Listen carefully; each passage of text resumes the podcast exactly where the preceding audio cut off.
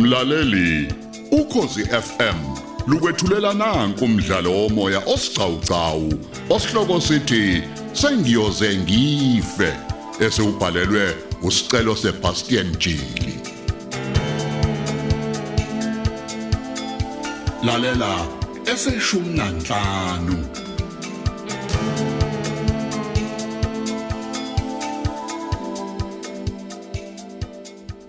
Hey, mafavuke njengeintanga bani. Kapteni wami. Hey kapteni, kusuke kuqinisiwe makuthiwa isikhathi masingakashayi, hayi isuke singakashayi. Izinhlamvu ezingibhobose kanje, kodwa kwangaba khona neyodwa nje efika endaweni ebucayi. Hayi. Mseshi. Uyazi iqiniso le. Bese kuba khona kumuntu odephunwa inhlamvu eyodwa nje. Hawu, ishoba bese lilala amazolo njalo. Hey kapteni. Kodwa ke kapteni wami, ikhona lento edala ukuthi ngingavumi. Ukukholwa ukuthi udilize ushonile. Hayi nxele. Kanti kumele ukholwe. Uyazi kuyenzeka ukuthi ubilise lo munye umuntu amanzi kanti nawe akha futhi mala ngapha eceleni. Hayi uqinisile ke lapho kapteni umhlongo. Kodwa nami phela ngisazolenza uphenyo.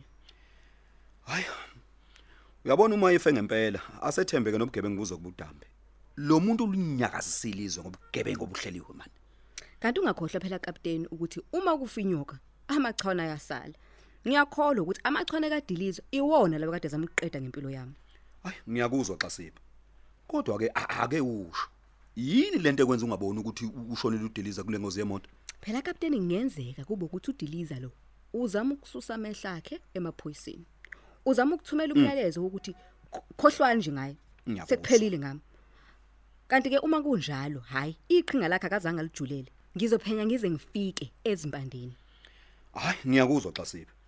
Manje awusho ke. U- Usola ukuthi nalengozi mhlambe yegosheshe lakhe ngenzeka ihlele uyena. Maningi kakhulu amathuba lokho. Awu usho kanjalo? Impela. Kodwa udiliza ukhohlwa into eyodwa nje. Angabaleka ukubaleka, kodwa ngeke akwazi ukucasha. Ingalo yomthetho yinde kakhulu. Uyazi waveza iphuze kade ngingalinakile. Uyabona kapteni, udiliza isigebengu esingenani mbeza. Lo muntu ungusomabhizinisi. Ayi, ayi. Kodwa futhi uma shiya khalwe emkhakheni Sigebengu. wezobugebengu, akafunjwe ukwaneliswa ilokha nakho. Hayi, uyazi sekuyangikhanyela ke manje indlela ochaza ngayo. Hayi, kodwa ke izinsuku zokubusa kwakhe kulombuso lobumnyama, hayi ziya ngokumphelela. Iyo. Engathi bonke bangabanjwa manje ngoba uma kukhona abasala ngaphandle, hayi bawusala babe ingozi. Kanti ke uyomangala wekapteni. Eh. Uyabona mhla kuqhuma igule enkantolo. Udiliza uyongena emgodini nabantu obaziyo. Hayi, hayi, mseshi wami, mseshi unxele. Angisakutholi ukuthi uqonda ukuthini manje. Hayi, Khuluma asidlule lapho. ngizwe. Dlula lapho kapteni. Kodwa baningi abantu abangaqondi ukuthi ayikho impunga yehlathi. Iyo, kona ke lo mshikashika usudonsa isikhathi eside eh, xa siba ngisho nje lokhuzana ngani yakwethu. Sekumele kufinyelele emaphethelweni manje. Kanti ke utshelwa yimina umanxele. Hayi, ngiyezwa xa. si- Sezihubela sakusha manje. Ayasha ngempela amadama namanzi. Hayi, awuvela ashe manje.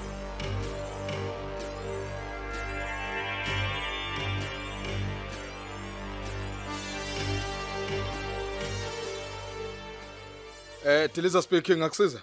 Fama Donsela. Imini umele umthembu. Oh oh haw wena semthethweni. Ngenkathi sixoxela nawe khona engikhohle ukukubuza. Oh hayi ungabuza mina nginankinga. Ngenkathi unxele ethu yakubopha wayeyiphethe nencwadi le emgunyaza ukuthi akubophe i-warrant of arrest. Hayi. Hayi ngabe ngisenge imithi yommeli. Oh, mangunjalo usho ukuthi umthetho unamaphutha. Oh hayi imaki i- isemqoka kakhulu ni leyo ncwadi mmeli. Madonsela kakhulu. Ah. Eh ngokomthetho sisekelo nje eh, kunemigudu elandelayo mangabe kuzobosha umuntu. Oh. Yebo. Amaphoyisa noma umphenyi wecala uqoqa ubufakazi bese eyabahambisa phambi kwamshushisi. Oh. Ayi, Bese ke umshushisi yena ke ethula ubufakazi emantshini. Ehe. Uma ngabe imantshi yaneliseka ikhipha incwadi ke egunyaza ukuthi akaboshwe kumsolo. Ey la ngiyakuzwa ke manje. Ehe, abameli badingakala lapho ke. Eyimene ezifana nalezo ke. Ukubhekelela nje ukuthi amalungelo ama client abo awazange inazanyathelo. Liqala ke lize liyophela icala. Yazi yazi ngiyakhumbula nami ngempela ngiboshwe eminyakeni edlule. Eh kwakuhamba njengoba uchaza nje. Iphoyisa laze la ngifundela amalungelo ami lathi eh nginelungelo lokuthula ngingasho lutho ngoba konke engishoyo kungasebenza njengobufakazi enkantolo. Yebo, yebo. Kunjalo nje mnumzane Madonsela nje. Kule cala lakho nje noma ngisalicubungula. ngokwe-criminal law amendment act of 105 ka-1997 icala nje esingeke sisho ukuthi icala elingenziwa umuntu oyedwa. Icala elenziwa nje iqulu labantu. Mm, ekunjalo mmeli. Eyangaze ngizwe nami kuthiwa kunomuntu oyedwa owakwabamba imoto yemali. uyayibona leyo nto yabo ezinye izinto ziyakwazi kamalungelo azo. Kodwa kuthina we uyasiba nobudedengu obukhulu kodwa-ke e- engizokwenza ngizoxhumana nomphenyi walo leli cala ukuze ngizwe kahle-ke ngayo Mmeli wami.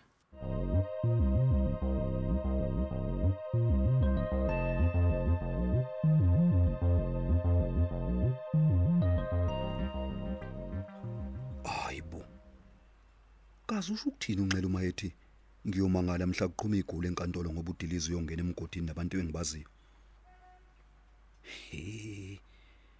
Leli cala sengathi lizobe inqopha mlando yamacala impela. Phela umseshi unxele umseshi onesibindi. Ngineqiniso nje ukuthi njengoba eyophenya umafeza kukhona noma ikanjani azokuthola.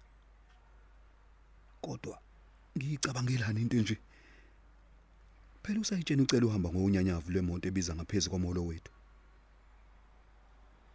Uyithatha phi imali ngempela? Engakho ucele.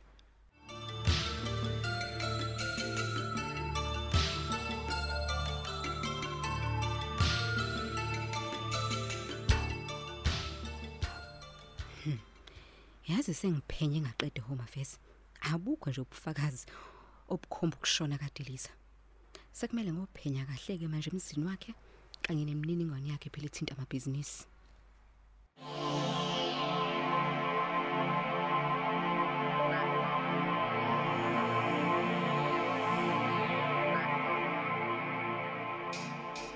Hey, Jomba mfana omdala. Mhm.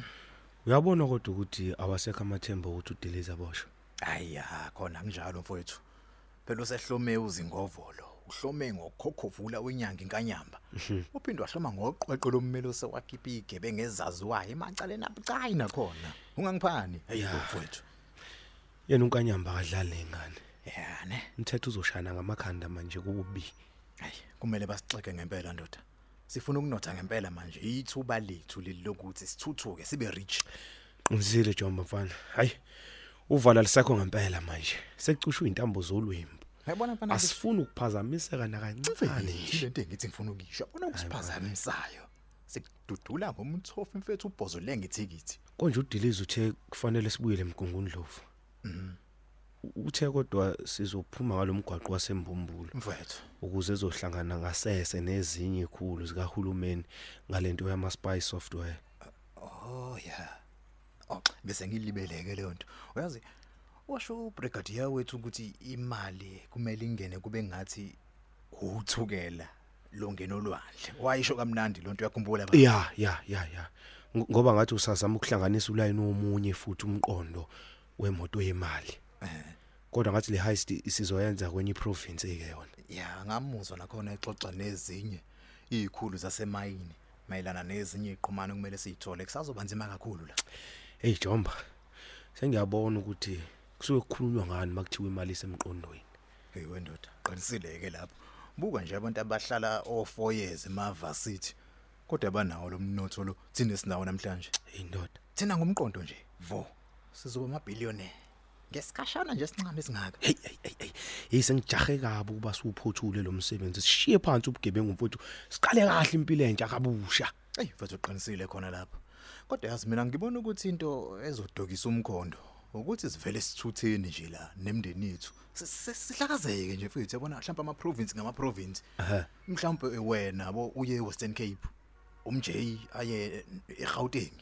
Mhlawumbe uJiba naye ashone le kompumalanga Habe bathi yabona habe lo. habe habe. Uyazi kunomqonjwana ke lokho kushoya. Ukhomba kona ukuthi lesi sisema zema sekhanda lakho kukhona esikuqukethe. So so uqalile lele lakho ke lona liqukethini uyazi wena njalo. Yazi kodwa Jomba lokho mangikuhlaziya kule nkathi esiphila kuyona. Umhlaba mncane kakhulu mfana kithi. Mfethu. Yabona umthetho mawusukulandela. Ngisho usubhaca phesheya. Uyayikhumbula indaba kaThabo Bester Awufethu. owaze waboshwe eTanzania. Ish ya ya ngikhumbula lot. Inkinga. Ukuthi phela kuyomela sishaye yona ke idedisa ngamabhizinisi. Sikhona la. Ngaka kwenzeke kanjalo. I- inkinga nje nawe usuyi most wanted. Eish, ndoda ngikhumbuzerani kodwa? Awu kodwa ke mfethu mhlambe kungamele yabona ngifrante nje ngomama weingane zami yabo.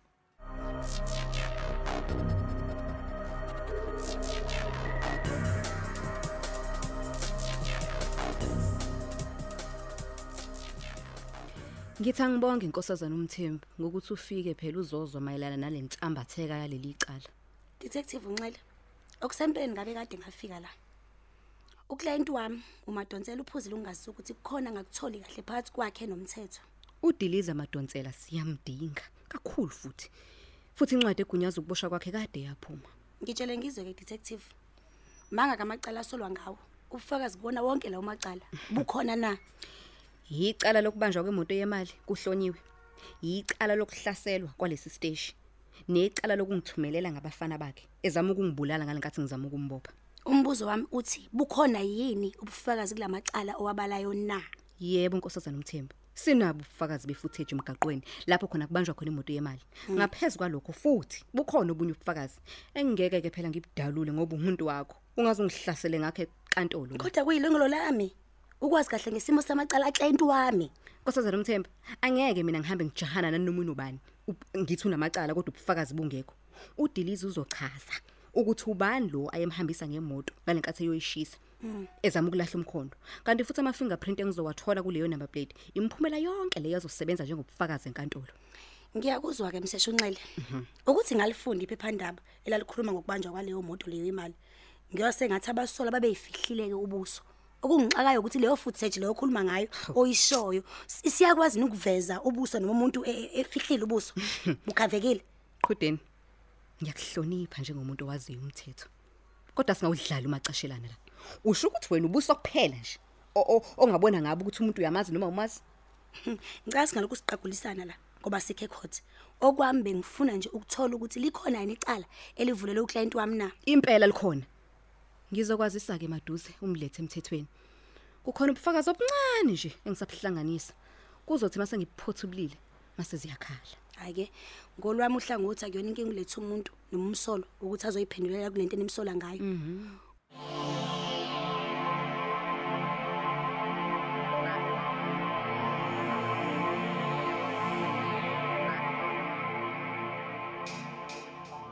angena umuntu owadala waba novalo kodwa kuyoma phambi kwejaji akuwona neze umdlalo